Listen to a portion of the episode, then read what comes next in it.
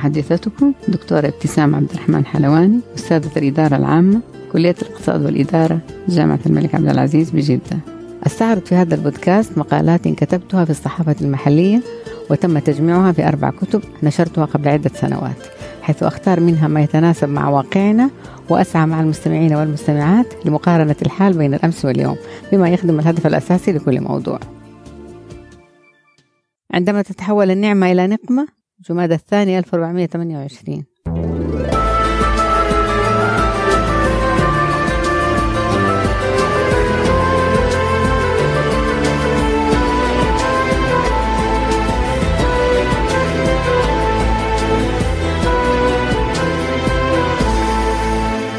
سبب كتابة ذا المقال إني سمعت في الفترة ذيك إنه في أب توفى كان غني جدا وكان حارم أولاده من أي صورة من صور المتعة أو سبيل من سبل المتعة والاستمتاع بالحياة لأنه كان مانع عنهم كل شيء كان يعني معيشهم معيشة فقراء.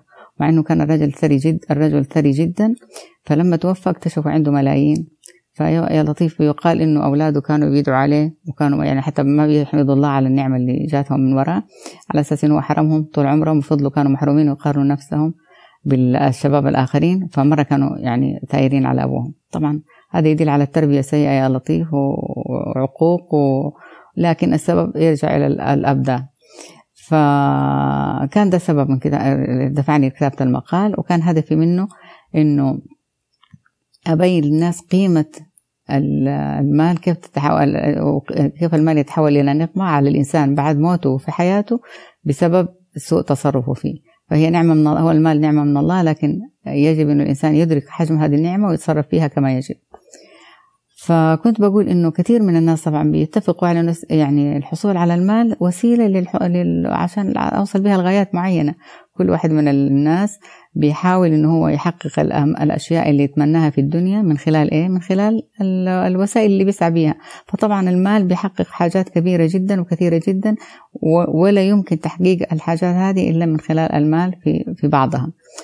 فبس طبعا بشرط إنها تكون سبل وطرق مشروعة في الحصول للحصول على المال. فبتلاقي الناس إيش اللي بيحصل؟ ناس بمجرد ما يحصلوا على المال بيلبوا احتياجاتهم. ناس بيجمعوها عشان خاطر لما تصل مثلا لحجم معين يحققوا الشيء اللي هم يحتاجوه. وناس نوع ثالث هو اللي هم بنتكلم عنهم اليوم هم الناس اللي بيتحول عندهم جمع المال إلى إلى غاية. بيكون جمع المال وسيلة عشان نصل إلى غاية نحقق منها أهدافنا. هم بيصير جمع المال عندهم هو الغاية فبالتالي كل الأهداف اللي عندهم كانوا ينشدوها مثلا أو يفكروا فيها ما حيسووها لأنهم حيستغرقوا في جمع المال. وكل ما زادت كميته كل ما زاد إحساسهم بال يعني بالنشوة كل ما زاد زاد سعيهم في جمع الزيادة. ساعتها إنه إنفاق المال يكون متعارض مع تطلعاتهم لأنه طموحاتهم وتطلعاتهم هي جمع أكبر قدر من المال. هنا الحالة دي هنا يتحول المال فيها من نعمة إلى نقمة. ليش؟ أولا لأنه السعي في جمع المال حيكلف صاحبه وقت وجهد كبير وده يعني إيش؟ إنه الإنسان حينغمس في الشيء هذا بدون هوادة ولا رحمة. أي شيء يعمله عشان خاطر يزيد الحجم هذا وممكن كمان يعني يفكر إنه هو يعني يمكن يخطئ في طريقة جمعه. المهم عنده بيكون بيضيع وقت وجهد كبير من حياة في حياته عشان يحقق أكبر قدر ممكن من المال. دي نمرة واحد. نمرة اثنين إنه الحذر في الإنفاق عشان لا ينقص من المال هذا اللي بيخليه ما يقدر يلبي احتياجاته المختلفة لا هو ولا اللي حوالينه زي أسرته. فبالتالي يكون ده حرمان وحرمان أسرته من الاستمتاع بالحاجات اللي ربنا أحل لهم هي لأنه هو بيسعى في جمع المال وما بده ينقص منه. نمرة ثلاثة ضياع فترة الشباب والقوة في اللهاث وراء المال, وراء المال بدون الاستمتاع بمباهج الحياة. لأنه حيقضي وقته كله وهو بيجمع من غير ما يفكر في استب... بإنفاق أي شيء منها للاستمتاع وبالتالي يكتشف نفسه بعد فترة إنه هو كبر وراحت القوة منه والمال طبعا موجود لكن ساعتها ما له قيمة. أربعة الذنب اللي يسبب اكتناز الأموال. طبعا مسموح اكتناز الأموال يعني يقصد اللي هو دون الإنفاق منها في سبيل في سبيل الله وإخراج حق الله فيها يعني الزكاة مثلا أو غيره. إذا معنى كده إذا كان في اكتناز أموال من غير إخراج زكاة من غير آه، إعطاء يعني المحتاجين من غير هذا طبعا فيها ذنب لأنه بس اكتناز أموال بغير آه، لغير فايدة. سبحان الله يعني أنا بقول إنه الإنسان بيعيش عمر واحد في الدنيا دي وما حيخلد. ممكن يكدس المال فوق المال وبعد كده فجأة يموت وما لا يكون استمتع ولا عاش حياته بالشكل اللي هو يريحه ويرضيه. ممكن آه، يعني بعد كده زي ما الحالة اللي إحنا اللي قلت قلتها في بداية الحلقة دي على أساس إنه كيف أبناء الإنسان نفسه يا لطيف ما يترحموا عليه وبيندفعوا ينفقوا المال بدون تعقل. ليه؟ لأنهم كانوا محرومين طول الوقت. فساعتها أول لما يترحموا عليه ثاني حاجة ينفقوا المال بدون تعقل ولا روية. ليه؟ لأنهم هم ما يعرفوا كيف ينفقوا ولا تربوا صح ولا توجهوا صح عشان يعرفوا كيف ينفقوا المال ويديروا الثروة دي. وكمان بالإضافة لكده إنه الحرمان اللي تعرضوا له حيخليهم برضو يعني غير قادرين على الإقبال بطريقة مثلا يعني راكزة في إنفاق الأموال هذه. فايش اللي بيحصل هنا؟ إنه فعلا يعني الأولاد دول ما يعني ال ال الأموال هذه اللي كدسها الشخص ما بيستفيد منها بأي حال من الأحوال وصارت فعلا نقمه عليه لأنه حتى الانتفاع بالأموال بعد في الآخرة ما صار. ليه؟ لأنه لا كان بيخرجها مثلا بيخرج زكاتها أو مثلا ما بيعطي حق الله فيها وأولاده في نفس الوقت ما بيترحموا عليه وبيدعوا عليه. يا لطيف طبعا يعني في حاجات خطأ في هذا اللي بيصير لكن هي في كل الأحوال يعتبر الخلاصة إنه المال هذا بعد ما كان نعمة من الله تحول إلى نقمه على الشخص في حياته بعد ما ماتوا طبعا التبذير مفسدة مفسدة معروف هذا الشيء لكن التقدير برضه بيقود لمفاسد عدة مو مفسدة واحدة. يعني الإنسان مكلف بالسعي بأنه يجمع المال الحلال عشان يحقق الحياة الكريمة له ولأسرته بالطريقة السليمة.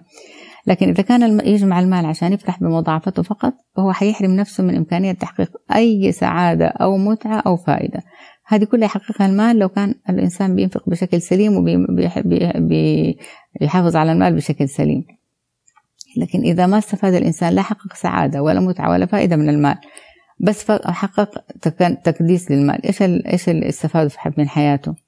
الحياة طبعا كلنا بنعرف الحياة قصيرة والموت بيجي فجأة. إذا الإنسان ما استمتع بماله اليوم وهو في كامل صحته متى يستفيد؟ طبعا أنا ما أقصد المال الحرام اللي يعد نقمة بحد ذاته أصلا يعني وكمان ما أعني بكلامي تكديس الأموال للشباب اللي بيبدأوا حياتهم دوبهم عشان يجمعوا المال عشان يسووا حياة كريمة لنفسهم لا. طبعا دول مطالبين بأنهم هم يجمعوا الأموال عشان يستطيعوا أن يحققوا أهدافهم في الحياة. لكن أنا بتكلم عن الكبار. الكبار الناضجين اللي ضيعوا أعمارهم كلها أو الجزء الأكبر منها في جمع المال. طيب إذا إيش حيستفيدوا الآن لما وصلوا لمرحلة من العمر؟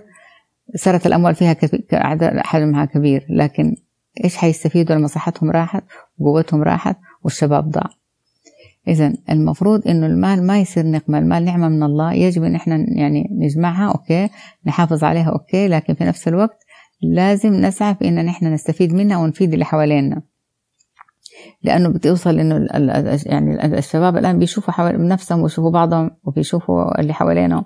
إذا كان آبائهم أغنياء وأثرياء وعندهم وهم يعرفوا ان عندهم أموال كثيرة إيش اللي بي... إيش اللي بيؤدي له عدم إعطائهم هذه الأموال؟ أو حتى بس يعني إعطائهم ما ما, يست... ما يعني يجب إنهم يعيشوا به حياة كريمة.